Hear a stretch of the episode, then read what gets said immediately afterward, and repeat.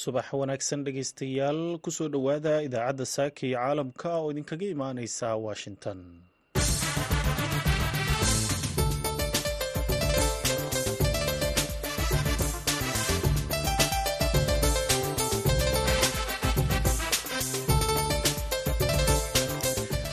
Waa subax sabti ah toddoba-iyo tobanka bisha februaayo sanadka laba kun iyo saddex iyo labaatanka afrikada bari saacaddu waxay tilmaamaysaa lixdii iyo barkii aroornimo idaacadda saaka iyo caalamka ee v o a na waxaa idinla socodsiinaya. Anigoo ah cabdulqaadir maxamed sabakaab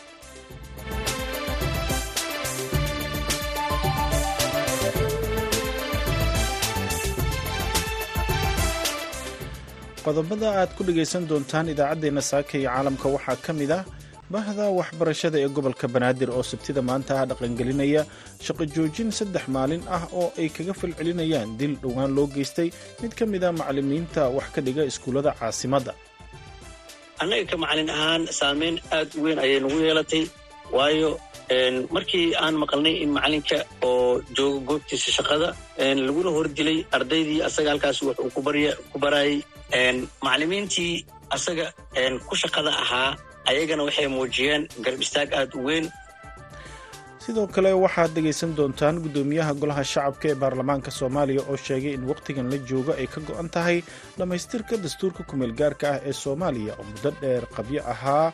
iyo ruushka oo qaaradda afrika u diraya ciidamo cusub oo beddelaya kooxda calooshood ushaqaystayaasha ahaa ee wegner group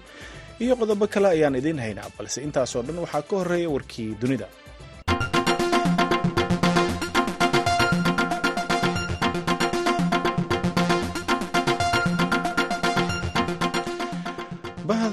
waxbarashada ee gobolka banaadir ayaa sabtida maanta dhaqangelinaya saddex maalin oo shaqo joojin ah iyagoo ilaa maalinta isniinta albaabada u laabay goobaha waxbarashada sida iskuullada iyo jaamacadaha ku yaalla magaalada muqdisho oo ardayda aysan tegi doonin.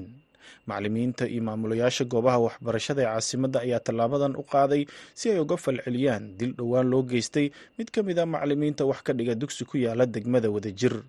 nintoorey ku hubaysan ayaa macalin cabdiraxmaan abikar ku dhex dilay iskuulkii uu baraha ka ahaa taasoo argagax ku riday ardayda iyo guud ahaan bahda waxbarashada.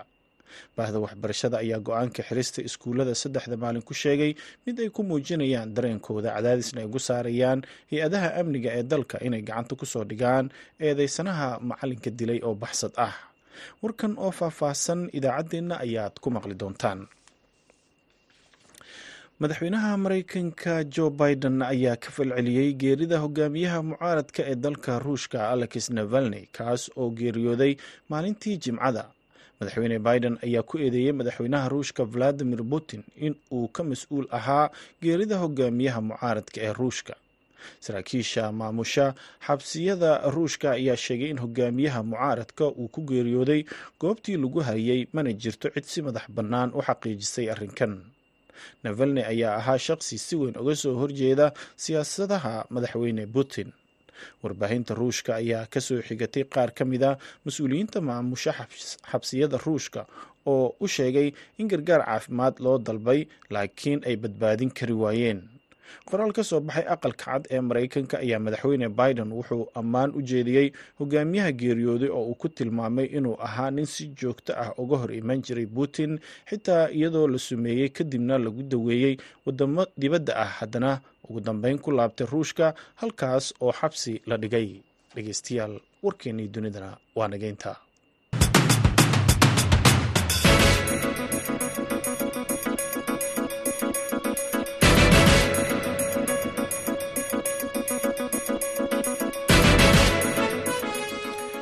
halka aad warkaasi kala socoteen waa idaacadda v o a oo idinkaga imaaneysa washington. Haddana muqdisho. Bahda waxbarashada ee gobolka banaadir ayaa sabtida maanta dhaqangelinaya saddex maalin oo shaqo joojin ah iyagoo ilaa isniinta soo socota xiray goobaha waxbarashada sida iskuullada iyo jaamacadaha ku yaalla magaalada muqdisho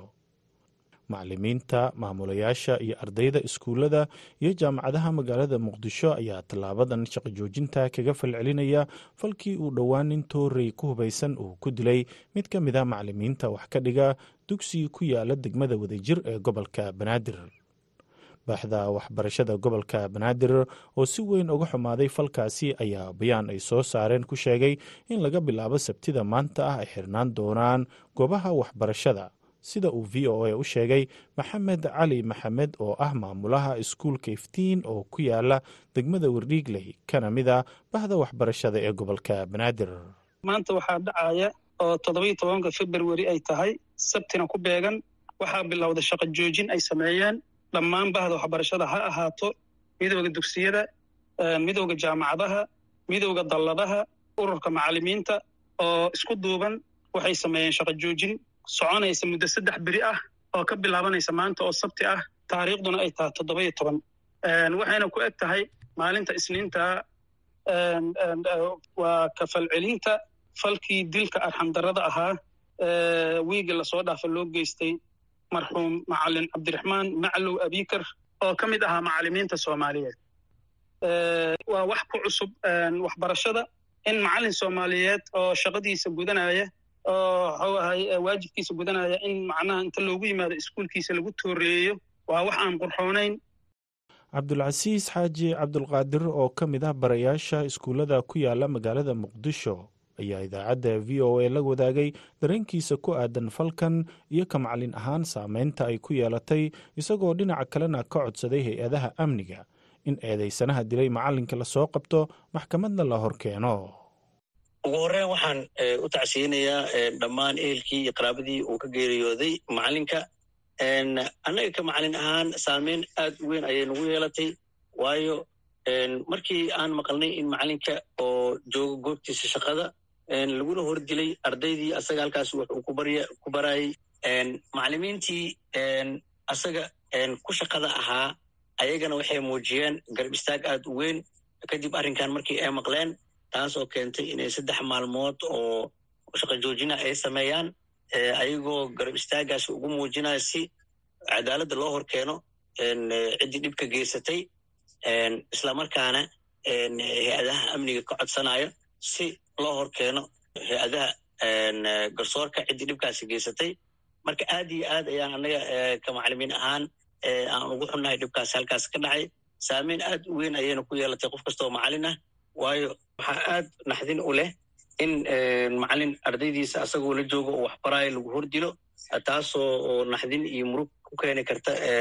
cid kasta oo oo macallin ah ama cid kasta oo oo ku jirta waxbarashada.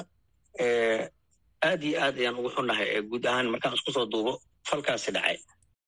taliska booliska soomaaliya oo dhacdadan ka hadlay ayaa sheegay in eedeysanaha dilay macallinka uu goobta ka baxsaday islamarkaana ay ku daba jiraan sidii ay u soo qaban lahaayeen sida uu goor sii horreysay warbaahinta u sheegay afhayeenka ciidanka booliska soomaaliya sadiiq doodishe.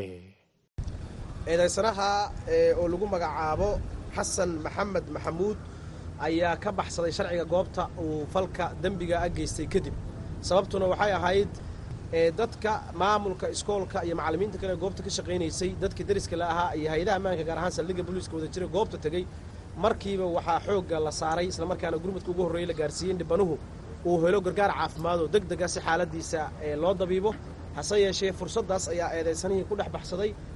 Markiiba dabagallo ciidanku ay sameeyeen howlgallo ee laga sameeyey degmada wadajir iyo degmooyin kale ku teedsan ee la rumaysan yahin eedaysanahaasi uu ku dhuuman karay ama ku baxsan karay lama helin. Eedaysanihii gacan laguma dhigin isaga iyo ehelkiisii oo la rumaysan yahay in ay qorshaynta dilkaas wax ka lahaayeen xubno ehelkiisa ah eedaysanahaasay baxsad la yihiin. Iyagana warbixinadii howlgalladii ugu dambeeyey goobaha loo malayn ay ku dhuumaalaysanayaan howlgallaha ka socda eedaysanaha xasan maxamed maxamuud oo macallinka dugsiga macallinka iskoolka ku dilay iskoolkiisa dhexdiisa waxaan rajaynaynaa inuusan cadaaladda ka baxsan. Howlgallada socdaana waxaan ummadda somalida xaqiijinaynaa inuusan xasan eedaysana xasan cadaaladda ka baxsan doonin. Xilliga ay noqotoba cadaaladda la horkeeni doono haddii ilah yidhahdo macallinka oo lagu dilay iskuulkii uu wax ka dhigayay weliba iyadoo ardayda ay joogaan ayaa si weyn waxaa uga walaacay bulshada soomaaliyeed gaar ahaan bahda waxbarashada ee gobolka banaadir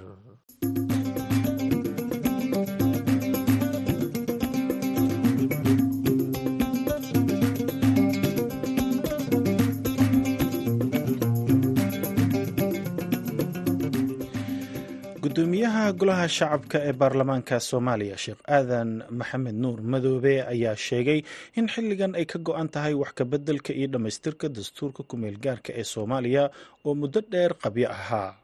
Doodaha dastuurka ayaana ka socda fadhiga labada aqal ee baarlamaanka soomaaliya ay ku leeyihiin magaalada muqdisho.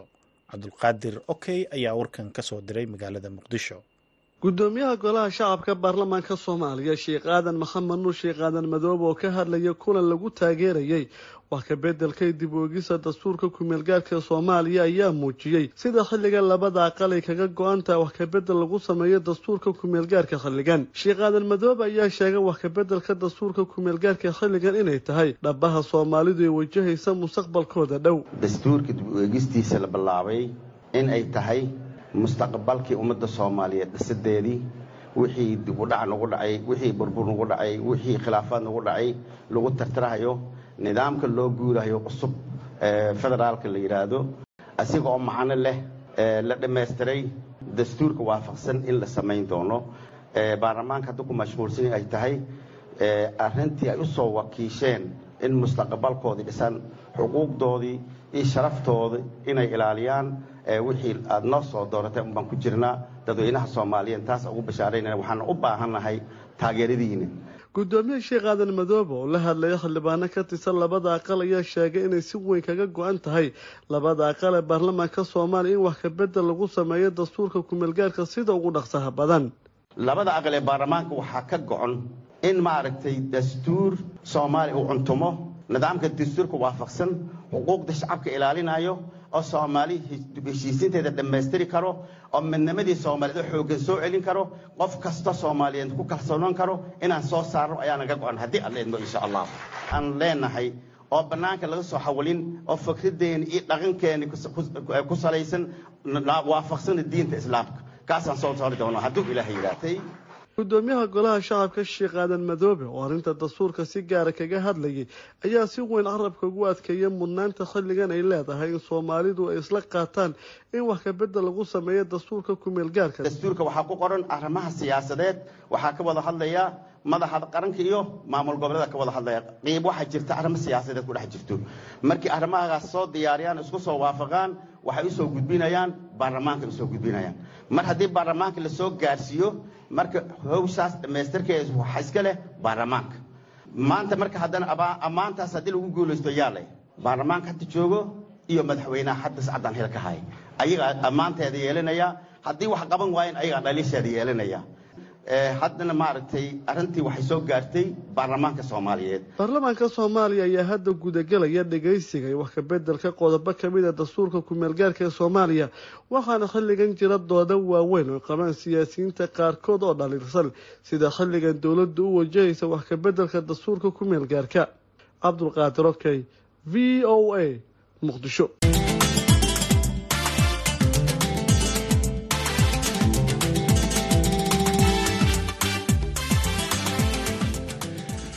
ruushka ayaa qaaradda afrika u diraya ciidamo cusub oo bedelaya kooxdii calooshood ushaqaystayaasha ahaa ee wegner group.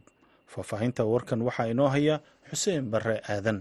Tan iyo markii uu dhintay taliyihii wagner group evgeni brigogin saddex iyo labaatankii bishii agost ee sannadkii hore waxaa kala daatay kooxdii uu hogaaminayay arrintaasi oo keentay in ruushku uu dib u habeyn ku sameeyo iyada oo laga bedelay magacii hore loona bixiyey africa corps.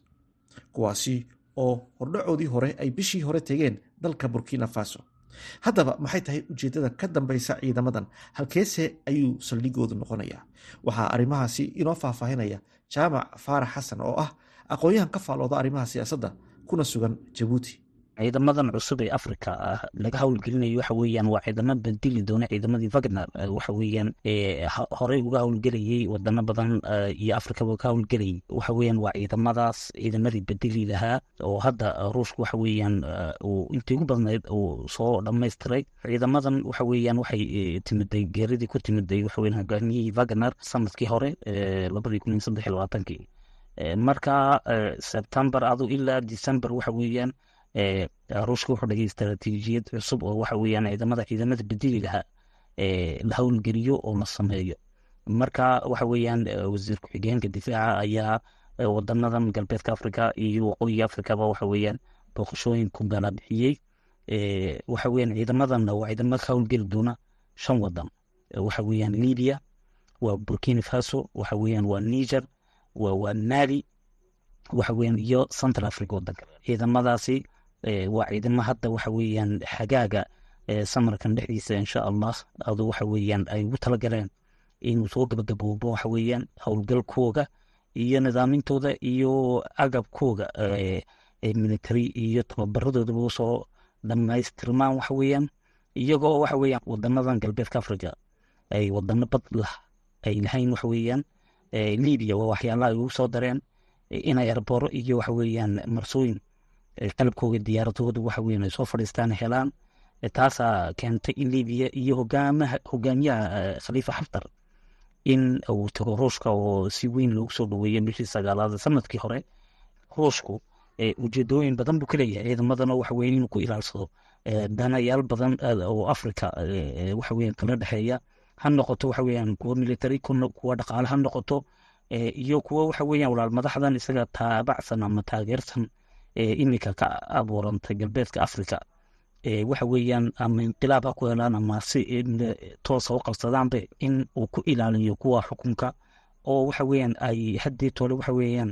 ay gaashaan buur ama waxa weeyaan ay bataan oo iyagu ay noqdaan haddii tole waxa weeyaan kutlad xoog weyn oo waxa weeyaan galbeedka africa ka jirta.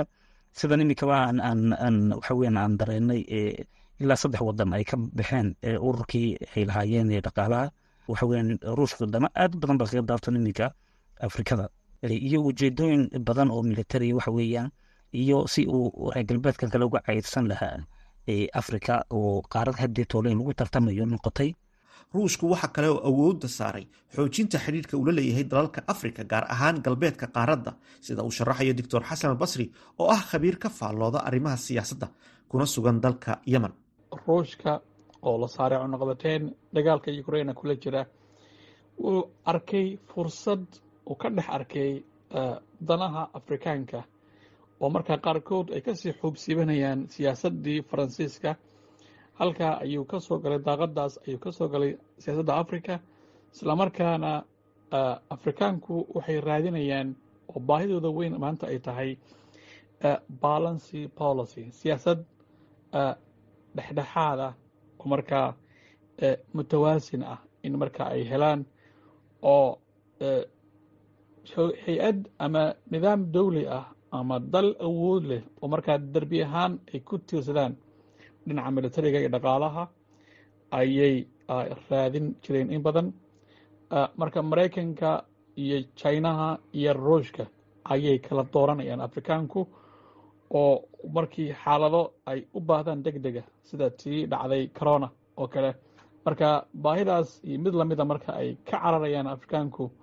hadda ayay sii qorsheynayaan inay marka dal awood leh oo sida ruushka iyo china oo kale gaar ruushka hadda ay kula jiraan heshiiska inay markaa ay ay la heshiiyaan ruushka si mustaqbalka dhow ay arrimaha iyo baahidaas loo daboolo mahadsanid xuseen barre aadan oo warbixintaasi noo soo koobayey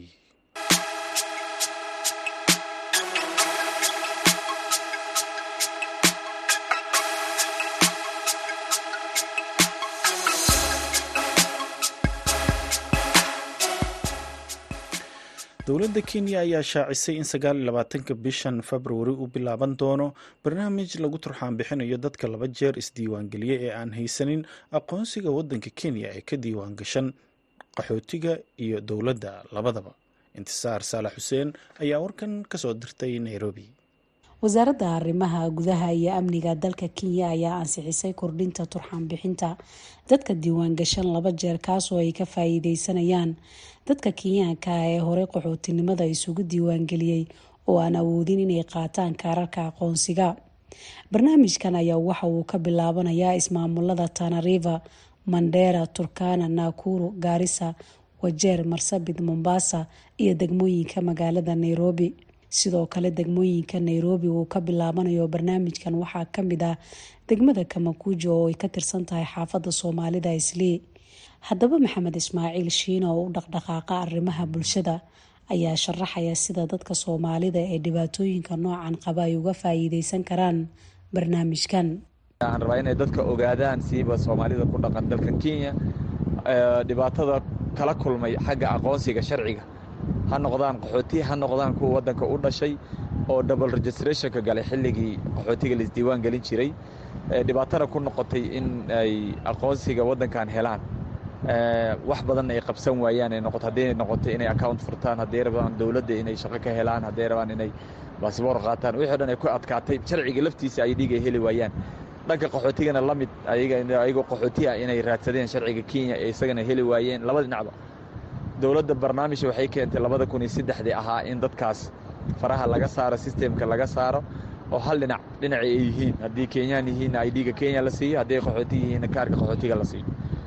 Xilligaas labada kun iyo saddexdii waxaa ka faa'iidaysatay in ka badan afar iyo toban kun oo qof. Marka barnaamijkii ayaa dib haddana loo soo celiyey. Dowladda waxay soo saartay amar ah in bishaan aan ku jirno sagaal iyo labaatankeeda.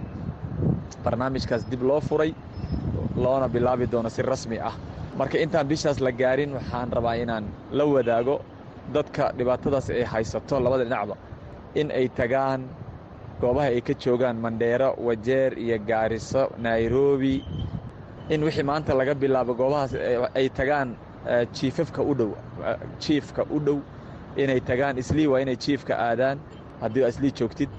oo aad u gudbisid cobashadaada iyo caddaymaha aad haysatid iyo dokumentiyada aad haysatid qof alle qofkii laba dhinacba ka diiwaan gashanoo ku dhibanaa inuu barnaamijkaas bilowday. Maanta aad tagtaan xarooyinka xarumahaas jiifafka si sagaal iyo labaatanka markii la gaarana brosheskaas uu bilowdo. Barnaamijkan ayaa caawin doona dhalinyaro badan oo soomaali ah oo dalkani kenya u dhalatay islamarkaana wadankani wax ku bartay kuwaasoo qabay dhibaatooyin dhanka sharciga ah oo awoodi waayey inay ku biiraan jaamacadaha ama ay helaan shaqooyin wanaagsan intisaar saalax xuseen v o a nairobi.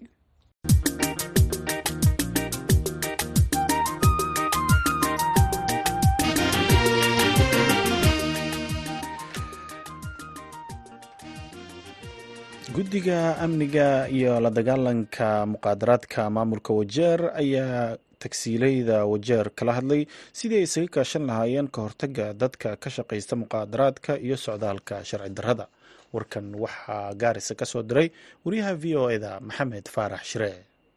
hogaamiyaasha kala duwan ee kulankani la qaadanaya saraakiisha ugu sarreysa dhanka amniga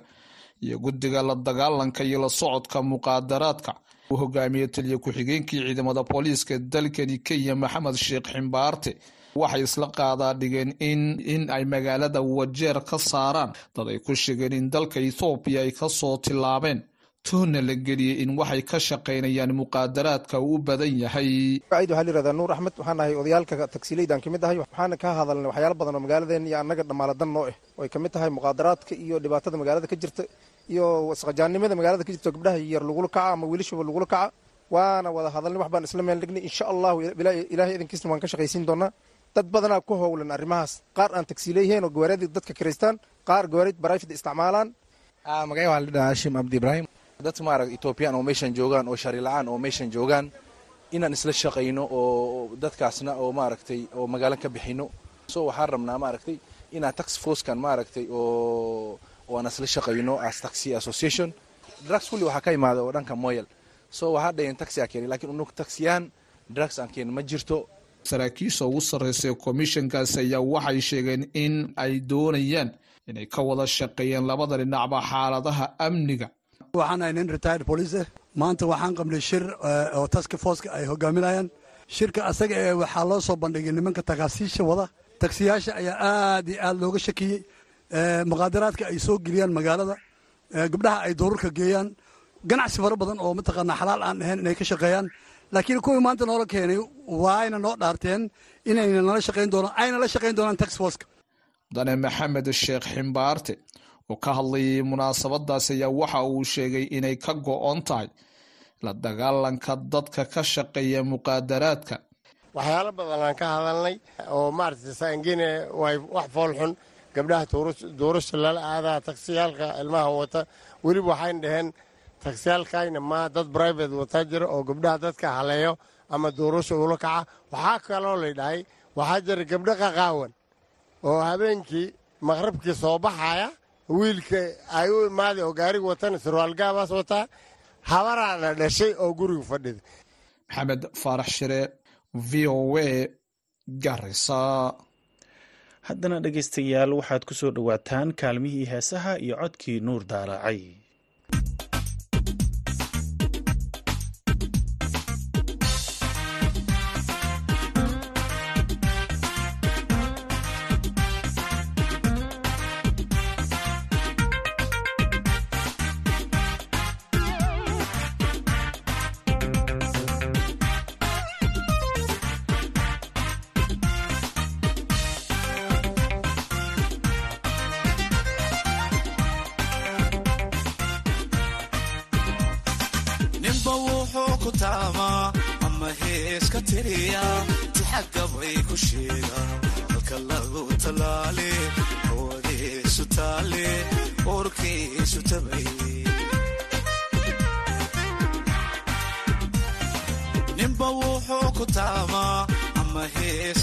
tiriya tixagabay ku sheega halka lagu talaale hawadiisu taale uurkiisu tabay dumartaan ka saansaday waa gabadh tobdheero maxamuudi tooxweyn saddex qayd ka tulato luuqunta geliso tafta daraya mooskii taakiyo badhmowdo dumartaan ka saansaday waa gabadh tobdheero maxamuudi tooxweyn saddex qayd ka tulato tusbax luuqunta geliso tafta daraya mooskii taakiyo badhmowdo sida boqora taaj xidhan hadalkeeda tiriso hadba ereyta kubiso sida timo haldhaalay ugu tabay hurdada xalay anigaba towdheerba tusku iga muuqa sida boqora taaj xidhan hadalkeeda tiriso hadba ereyta kubiso sida timo haldhaalay ugu tabay hurdada xalay anigaba towdheerba tusku iga muuqa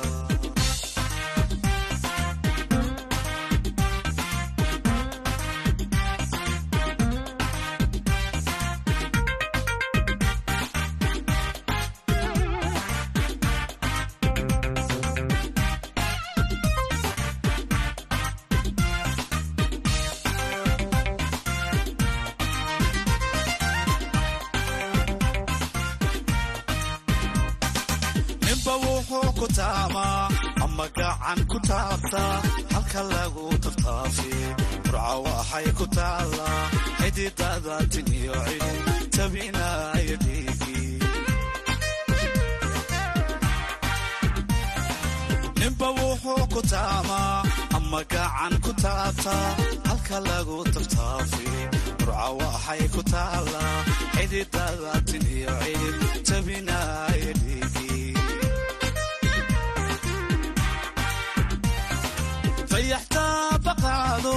tobaniyo xidiga tartamaye isku taxay dushiisa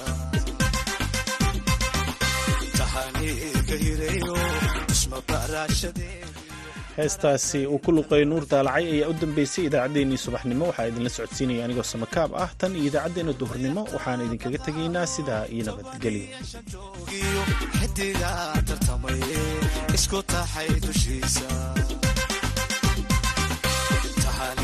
xidiga tartamaye isku taxay dushiisa tahaniga hireeyo isma baraashadeediyo tarantarinta laafya meeshay ituruqdiyo toostay gelisaa igu sii tarmayso sida timo haldhaalay ugu tabay hurdada xalay anigaba towdheerba tusku iga